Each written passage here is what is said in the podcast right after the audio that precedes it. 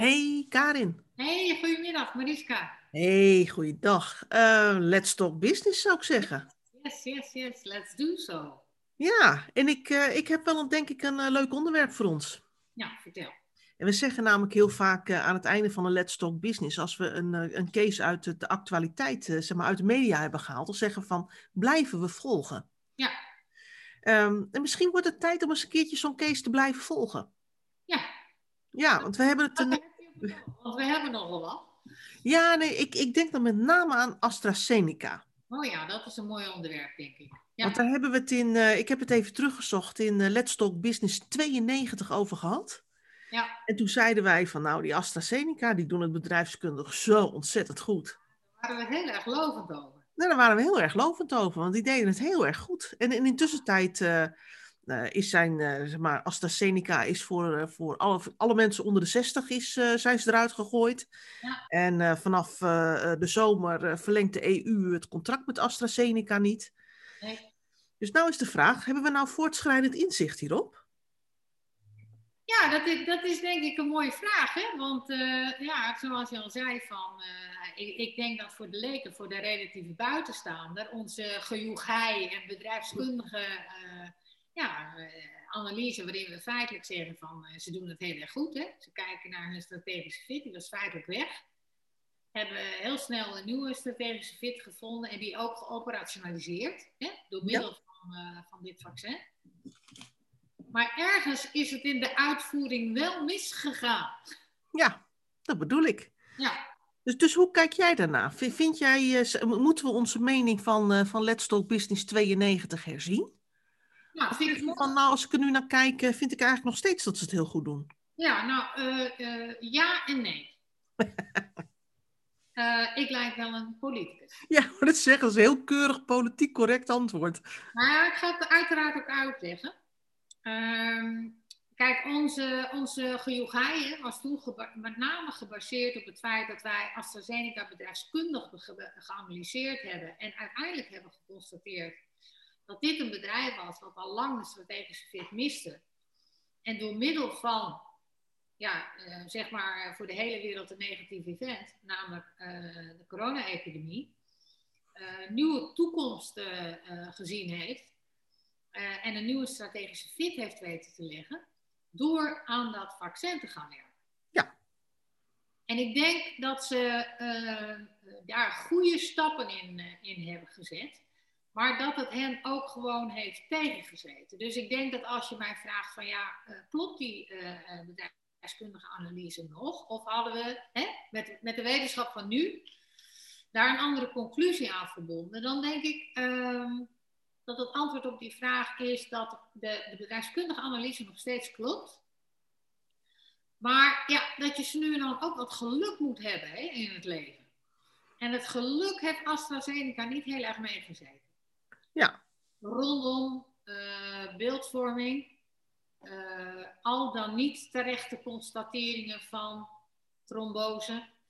Uh, en laten we wel zijn, wij, zijn geen, wij hebben geen medische achtergrond, wij zijn geen medici. Dus het oordeel daarover is voor ons moeilijk te maken.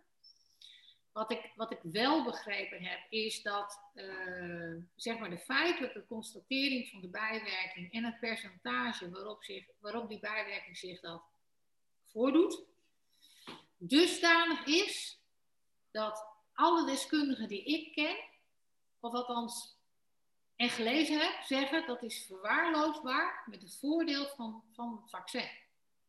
Dus het had in de publieke opinie ook zo opgevat kunnen worden dat wij die nadelen nemen ten opzichte van de enorme voordelen die daar tegenover staan.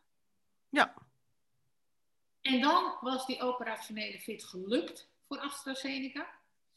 Uh, en was de, de, de, daarbij behorende kaststroom op gang gekomen en had AstraZeneca met goed gevolg een nieuwe strategische fit gelegd en die ook, hebben, en, en die ook weten te operationaliseren. Nou ja, ze hebben ook nog een klein uh, productie- en leveringsprobleempje. Ja, dat is waar. Dus het, is, het, het, het ligt niet alleen maar aan de publieke opinie, want de reden waarom de EU het contract opzegt, is dat ze leveringsproblemen hebben. Oké. Okay. Nou, hoe kijk jij daarna? Ja, ik, ik weet je, Ik denk, als ik, nou in, als ik nou de baas zou zijn van een organisatie als AstraZeneca, hè, waarbij je zegt, joh, ik heb eigenlijk geen strategische fit meer, ik heb eigenlijk geen onderscheidend vermogen meer en ik moet dus wat. Nou, dan, eh, ja, ik, ik hou er heel erg van om te zeggen van, nou, dan bedenken we wat uh, aan de tekentafel wat het moet zijn. En wel op basis van waar liggen onze competenties, waar liggen ons, uh, ons sterkte en waar ligt onze toekomst. Ja. En als zich dan een gelegenheid voordoet, zoals uh, toevallig dat we een, zeg maar, een pandemie hebben, dat de hele wereld bezig is om met een virus te worstelen. En je kunt met een partij gaan schakelen die bezig is met de ontwikkeling van, van een, een vaccin. En dat hebben ze natuurlijk gedaan. Hè. Ze zijn uh, opgetrokken met de Universiteit in Oxford. Ja. Um, dat dat een uitgelezen kans is om je strategische hero heroriëntatie, zeg maar, om die in één keer uit te voeren. Ja. Nou, je weet dat als je uh, met een nieuw product in een nieuwe markt, uh, zeg maar, in één keer groots losgaat, dat normaal al, hè, als je met een nieuw product op een nieuwe markt komt, is de kans 3 tot 5 procent dat je succesvol gaat zijn. Ja, ja, zeker. ga, je het, ga je het ook nog eens een keer heel grootschalig doen. Dus de ja kans dat je daar meteen helemaal vlekkeloos succesvol in gaat zijn, is heel erg klein. Ja. En dan moet ik eerlijk zeggen, dan doen ze het niet slecht. Nee. En er zijn wel een aantal, en, en daarmee, laat ik het verhaal eens afmaken, dus dan doen ze het niet slecht. En dat betekent feitelijk dat ze nu ervaring aan het opbouwen zijn in, uh, ja, hoe, hoe doe je dat nou eigenlijk in deze nieuwe markt met nieuwe producten opereren? Ja. En ik denk dat ze zichzelf daar uh, succesvol geïntroduceerd hebben. Ja, dat denk ik ook. Dus als ze op deze lijn doorgaan en ze houden contact met universiteiten, of dat nou Oxford is of een ander, en ze blijven ook bij nieuwe vaccins, zeg maar, bovenop die nieuwe ontwikkelingen zitten, dan denk ik dat ze met een jaar of vijf echt een grote, grote aanbieder zijn in die hele vaccinmarkt. En daar gaat het natuurlijk strategisch om, hè? Dat je succesvol wordt in een nieuwe business en dat je je infrastructuur hebt staan en dat je je uh, uh, distributie op orde hebt, nou, dat heeft aanlooptijd. Het is natuurlijk aan de andere kant is het heel vervelend dat je je merk nu hebt gekoppeld aan iets wat in de imago uh, gewoon niet goed loopt. Nee, want dat, daar hebben ze natuurlijk wel een dingetje. En jij zegt van, kijk, ze hebben ook een leveringsprobleem. Dat hebben ze ook. Maar ik, ik heb toch het idee dat het met name in de imago en de risicokant de redenen zijn dat de EU het contract heeft opgezegd. Want laten we wel zijn, met name in het begin uh, was er met Pfizer ook allerlei aanlopen en logistieke problemen in het kader van uitlevering van, van vaccins. En dat contract is niet opgezegd. Nee, maar ik, ik, ik. Nou ja, laat zo zeggen, dat is ook het deel waar ik een beetje moeite mee heb. Hè? ik, ik spreek, nou, we hebben natuurlijk studenten die in de medische wereld werken, uh, ook uh, zelf medicus zijn. En die zeggen van ja, moet je luisteren, het risico op uh, complicaties bij een AstraZeneca-vaccin is zo klein dat een chirurg dit soort risico's niet eens noemt voor een, voor een operatie. Hè, want dat valt ver onder, onder de norm waar wij praten, medisch gesproken, over risico's praten. Mm-hmm. Maar het is natuurlijk wel breed uit uitgemeten in de media. Het risico gaat uh, vrouwen aan die in de vruchtbare leeftijd zijn. Nou is de grens op 60 gelegd. Nou, ik, ik weet niet hoe het met zeg maar, de kennis over vrouwelijke anatomie gaat. Maar er zijn weinig vrouwen van 60 die nog vruchtbaar zijn. Dus die grens is heel ruim gesteld.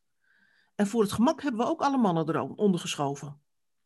Dus er is natuurlijk in die besluitvorming en in hoe ze zeg maar met, met PR en, en dus met public relations en uh, uh, public affairs en hun marketingcommunicatie, hoe ze dat hebben ingekleed naar de belangrijke stakeholders, ja, daar hebben ze nog wel een, een, een zeg maar, daar, daar, zijn wat foutjes gemaakt. Dat kan niet anders. Nou ja, en, en je weet hoe het gaat bij de publieke opinie. Die hebben het niet over vrouwen in de vruchtbare leeftijd uh, die uh, risico een hele kleine kans op uh, trombose hebben.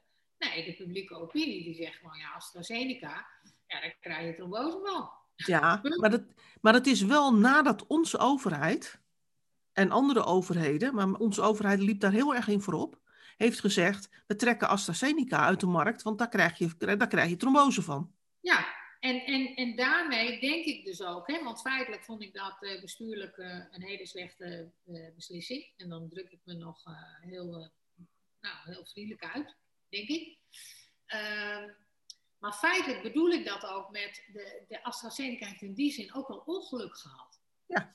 Want ik denk dat een, een bestuurder die wat trouwer is aan de eenmaal ingezette koers, en, en, en als doelstelling heeft zo snel mogelijk vaccineren. Natuurlijk let op risico's die erbij komen kijken, maar aanvaardbare risico's en risico's die zo klein zijn als de deskundigen beweren met AstraZeneca, voor een zeer beperkte groep, ja, daarvan wordt niet gestopt met vaccineren.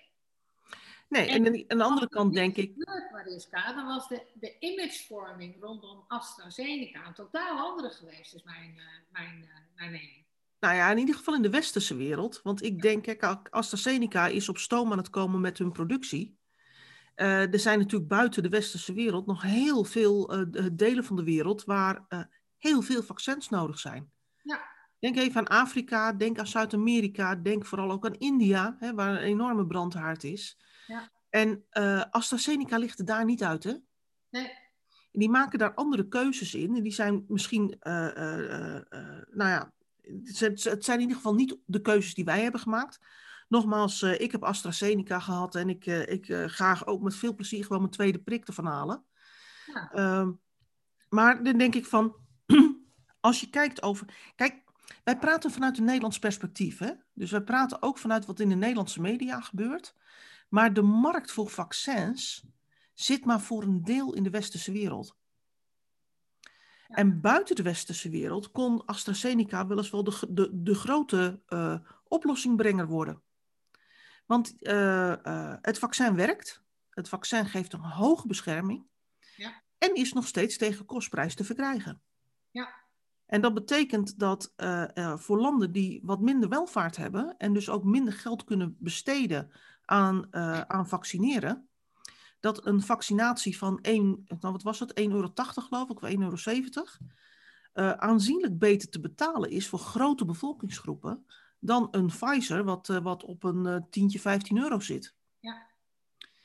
Um, dus ik, ik, wat dat betreft, hè, we vanuit Nederland zeggen van nou, AstraZeneca, dat is een beetje moeilijk, moeilijk, moeilijk, moeilijk, want daar krijg je trombose van. Nou ja, heel zelden, hè. Uh, maar als je praat over wereldwijd, hè, globale vaccinatiemarkten, is het verhaal van AstraZeneca nog absoluut niet voorbij. Nee. En ik denk dat, uh, dat, uh, dat dat ook de manier is waarop je naar de AstraZeneca moet kijken. Kijk, Nederland is, uh, wij maken veel lawaai, hè, maar in internationaal perspectief, zeg ik ook tegen mijn kinderen altijd, hebben wij niet zoveel in de melk te brokkelen. Want wij zijn maar een verdomd klein landje. Ja. ja. En, en, als je, en als je Nederland ziet als markt, ja, dan zou je bijna zeggen van nou, het is dat er geld zit. Niet interessant. Nee, ja, ik, ik bedoel, laten we wel zijn. Wij zijn met ons, uh, met ons inwonersaantal een gemiddelde stad in China. Ja. ja dus het, zet het even een beetje in perspectief, hè? Ja, precies. Dus uh, in die zin hè, uh, ligt er, ligt er uh, nog een enorme markt voor AstraZeneca open. ik vraag me wel af hoe het zit en dat zou wel eens interessant zijn om dat te onderzoeken, hoe dat nou zit met hun, hun fundingssysteem. Dit brengt hun in de, in de westerse wereld natuurlijk wel een enorme knauw toe. Dat denk ik wel. En zij zijn ook in, in, in, in, in op Europese leest geschoeide onderneming die uiteindelijk wel uh, geld nodig heeft om ook die aantallen te produceren. Ja, aan de andere kant hebben ze van het begin af aan gezegd, we doen het tegen kostprijs. Ja. En laten we wel zijn, de EU heeft hun, hun, uh, hun startfase gefinancierd. Ja, maar denk je dat met die beperkte afnames, dat daar de startfase mee gefinancierd is? Ja, dat denk ik wel. Oké. Okay. Nou ja, dat, daar heb ik onvoldoende inzicht in en dat, dat, dat durf ik ook niet te zeggen. Nou ja, kijk, als je niet zeg maar in, je, in die startfase, hè, die is zeg maar, uh, uh, dat we begonnen zijn met vaccineren, totdat nou ja, een paar weken geleden dat, uh, dat de EU heeft gezegd van we doen het niet onder de 60 en, en, en nu zeg maar het contract opzegt met de komende zomer, dus over anderhalve maand. Ja. in die tijd hebben ze natuurlijk wel het medicijn ontwikkeld, productie klaargemaakt en zijn ze de productie gaan opschalen. De berekening die daaronder ligt, is gemaakt op de hoeveelheden die ze toen konden voorspellen. Dus ik denk dat ze, dat ze, dat ze een aardig uit de, uit de startkosten zijn met die, met die uh, funding die nu op die, vaccin, op, op die vaccins ligt. Ja, nou, ik hoop het voor ze. Ja, ik hoop het ook voor ze, want ik moet ik zeggen, ik, ik kan het heel persoonlijk, ik kan het erg waarderen dat een organisatie gewoon zo rigoureus ingrijpt in zijn strategische koers. En gewoon, eh, om het maar eens even heel plat te zeggen, de ballen heeft om gewoon te investeren en het risico aan te gaan en gewoon in zo'n gat te springen. Ja, zeker. En, en, en ook nog uh, redelijk belangeloos, om het zo maar te zeggen. Terwijl ik denk dat het niet helemaal belangeloos is, omdat dit wel een opmaatje is voor verdere vaccinatie. Ja, ja absoluut. En het vestigen van hun naam op dat terrein. Ja. En uh, ja, nou ja, daar hebben we denk ik al uh, voldoende over gezegd. Maar het zou best zo kunnen lopen zoals jij al vermeld, dat over een jaar of vijf, dat dit echt een speler is om rekening mee te houden. Ja, en als, en als dan mijn voorspelling ook nog uitkomt dat we, uh, nou A, voorlopig nog niet van COVID af zijn. Maar ook, na COVID ook nog andere virussen gaan krijgen. Want ik denk dat dit wel een onderdeel wordt van onze nieuwe realiteit ja, dan is het feit dat zij zo snel kunnen schakelen en zo snel kunnen opschakelen en hier heel veel leereffecten uithalen. Ja. Ja, dat, dat maakt dat ze een serieuze speler in deze markt gaan worden. Precies. En, en dat, ja, moet ik heel zeggen, blijf ik bedrijfskundig best een heel, heel uh, spannend, uh, spannend fenomeen vinden. Ja, dus zeg ik het dan goed als, als dat ik zeg maar onze dialoog en dit gesprek een beetje samenvat als zijnde van, nou ja, eigenlijk komen wij niet op onze schreden terug en blijven wij AstraZeneca bedrijfskundig nog steeds een interessante partij vinden die, uh, die het ook wel gaat redden? Ja, dat denk ik wel. Maar ik heb meteen ook wel wat leerpuntjes voor, uh, voor, uh, voor bij deze case. Oké, okay, nou, kom erop. Nou ja, ik, ik denk dat ze veel beter hadden moeten managen over hoe er om werd gegaan met de risico's die er zijn uh, bijvoorbeeld op die zeldzame vorm van trombose. Ja. Dat hadden ze zelf veel proactiever kunnen afkaderen van, joh, weet je, dat zit in deze doelgroep. En dit is wat je eraan kunt doen. En dit is hoe wij onze uh, vaccinatieadvies uh, aanpassen hierop. Ja, Als je dat al zou doen. Dan ga je er wel vanuit dat ze uh, zeg maar de problemen bij die specifieke doelgroep ook zelf onderkend hebben. En volgens mij is dat niet het geval. Nou, dat weet ik niet, want volgens mij zijn, uh, worden al die data.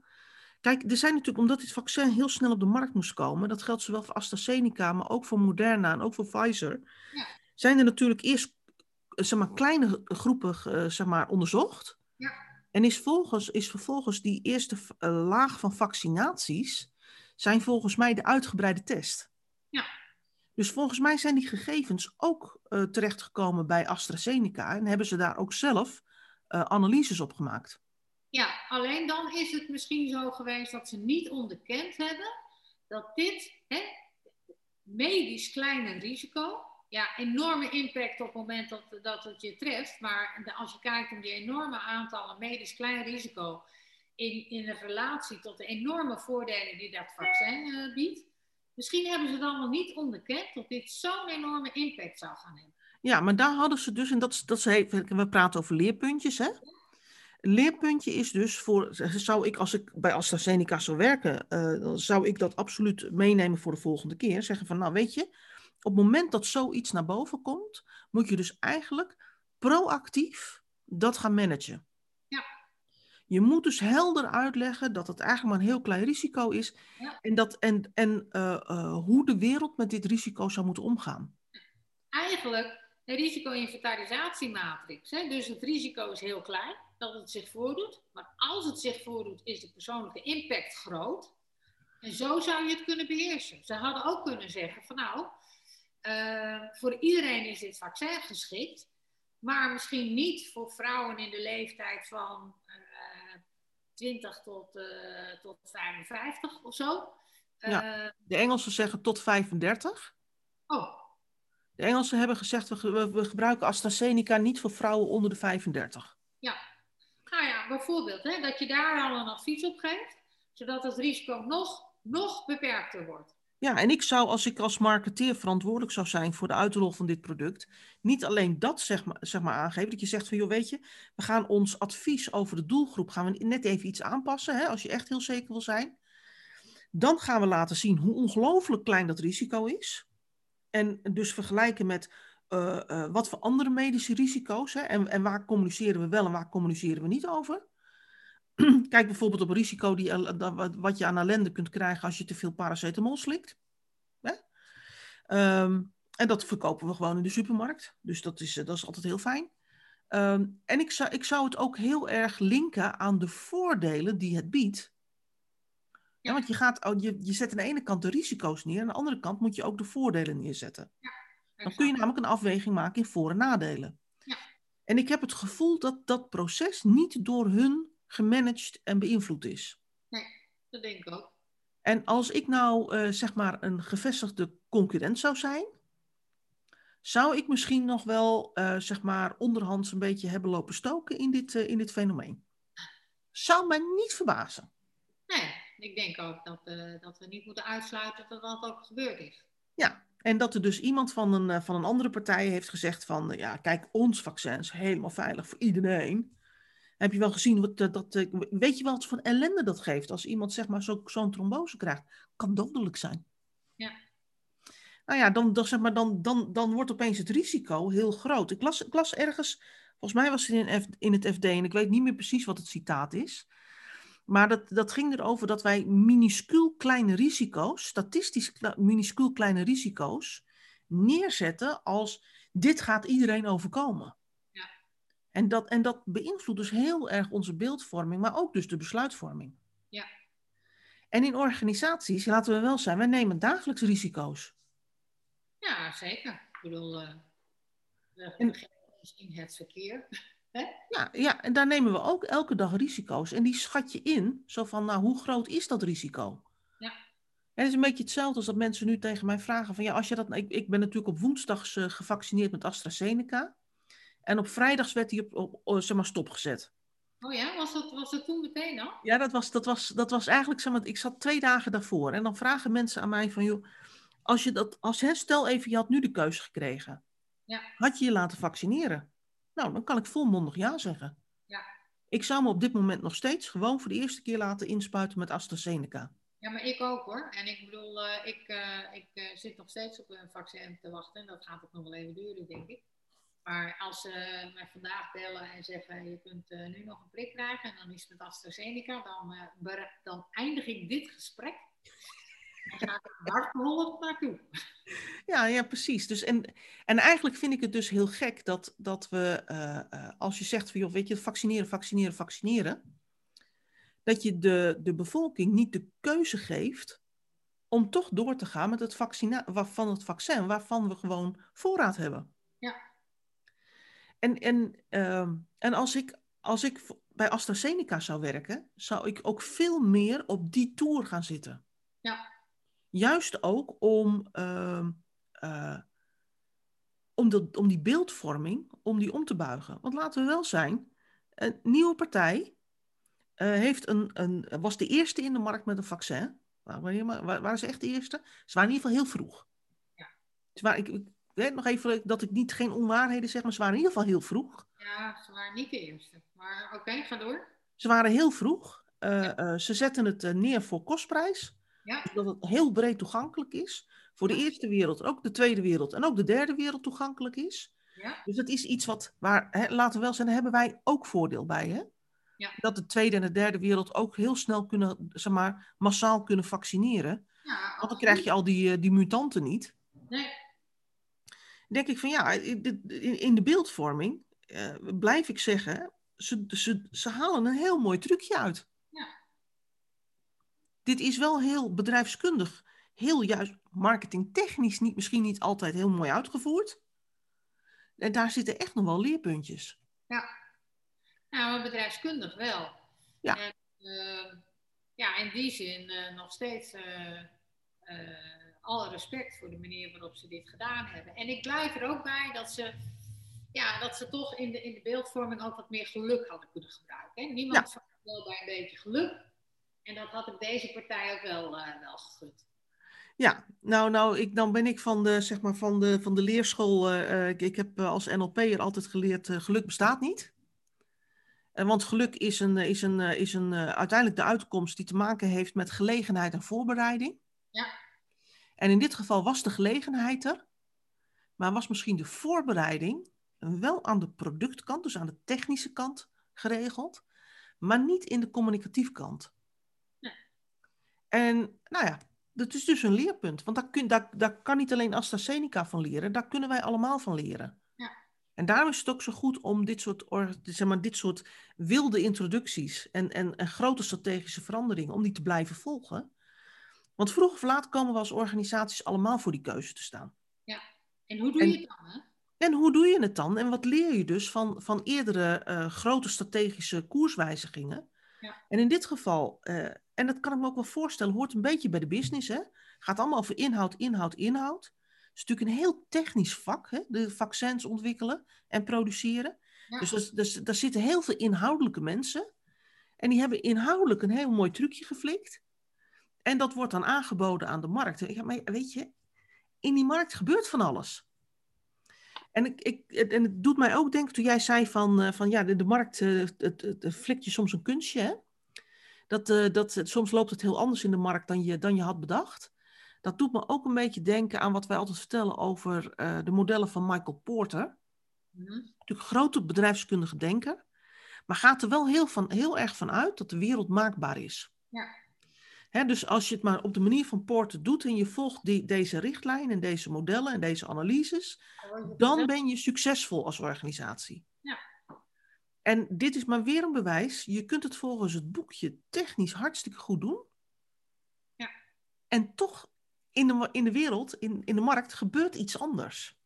Ja, en, daar, en, en, en dat is, eh, eh, ja, dat is denk ik eh, wel een goed voorbeeld over dat die wereld niet maakbaar is. Ook al ben je nog zo goed voorbereid. En, dat is, en, en daarmee zeg ik ook, ja, je hebt ook allemaal een beetje geluk nodig.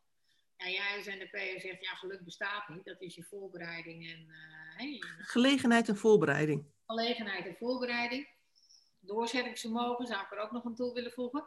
Ehm, maar ehm, ja, ik denk toch wel dat het daar ook een beetje op neerkomt. Want ik denk dat in ieder geval de ontvangst van AstraZeneca heel anders was gegaan als de regering op een andere manier eh, met dit vaccin was omgegaan.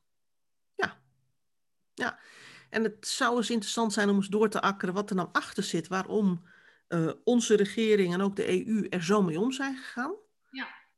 Dat is een hele andere let's talk business. En ik weet niet of wij, eh, of, dat, dat, dat komt wat verder van de bedrijfskunde af.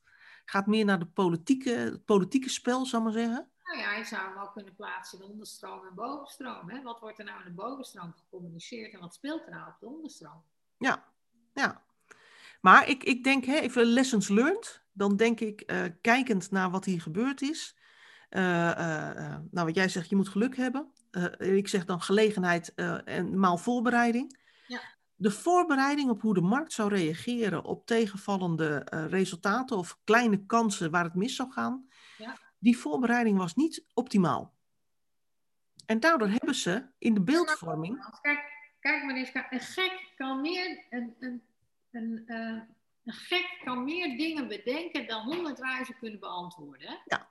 En misschien hebben ze dit product wel zo goed mogelijk getest op alle tegenslagen en tegenvallende resultaten en situaties die konden tegenvallen. En hebben ze daar beheersmaatregelen op bedacht. Maar hebben ze dit gewoon niet onderkend? En dat kan, hè? Je kan een blinde vlek hebben. Ja. Het kan in het paradigma van de organisatie zitten dat ze dit risico, wat, wat, wat medisch gezien zo'n klein risico is hè, in relatie tot die grote voordelen, dat ze dat helemaal niet hebben erkend als een risico wat de marktintroductie van hun vaccin zou, zou tegenwerken. Of Ja, ik-. Ik kan me best voorstellen dat ze daar in een directievergadering hebben gezegd, nou, er is een één één op, zo, één, één op heel kleine kans eh, eh, eh, dat dit dat ze maar trombose veroorzaakt. Moeten we daar wat mee? Ja, die kans is zo klein, daar, daar hoeven we niks mee. Hebben we het over.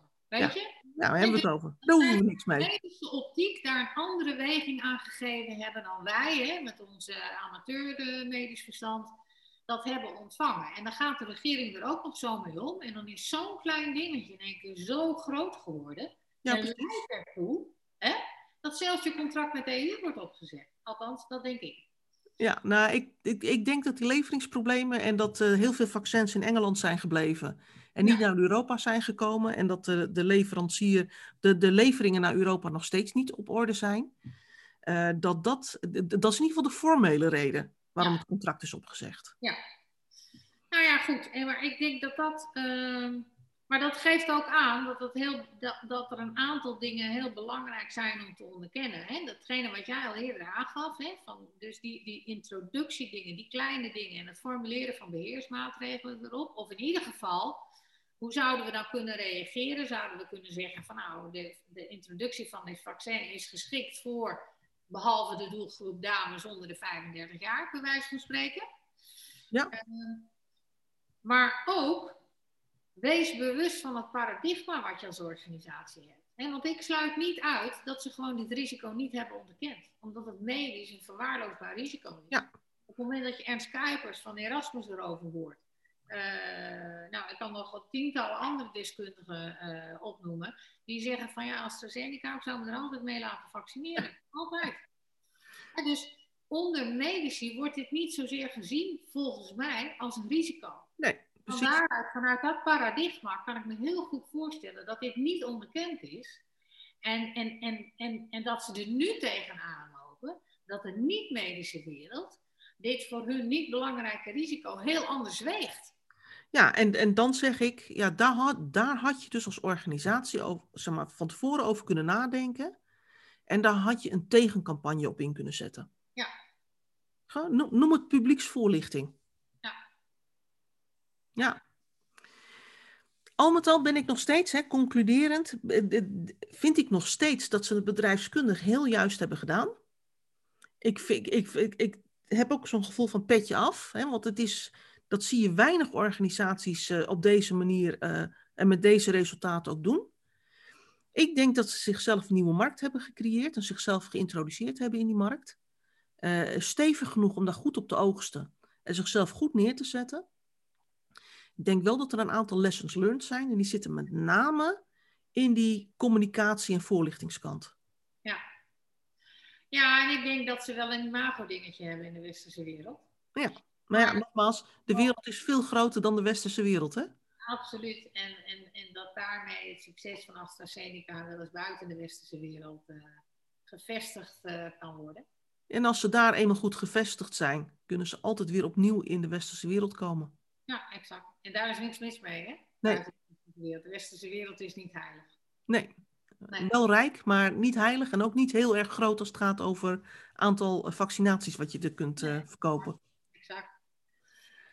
Nou, mooi Ik denk- vervolg, denk ik. Ik, Ja, dat denk, denk ik ook. ik denk nog steeds dat we AstraZeneca in de gaten moeten houden. Want wellicht komt er nog wel eens een keer de deel 3. Ja, precies. Maar we blijven het volgen. Oké, we. Komt helemaal goed. Hey, tot de Hey. volgende Doei. Doei.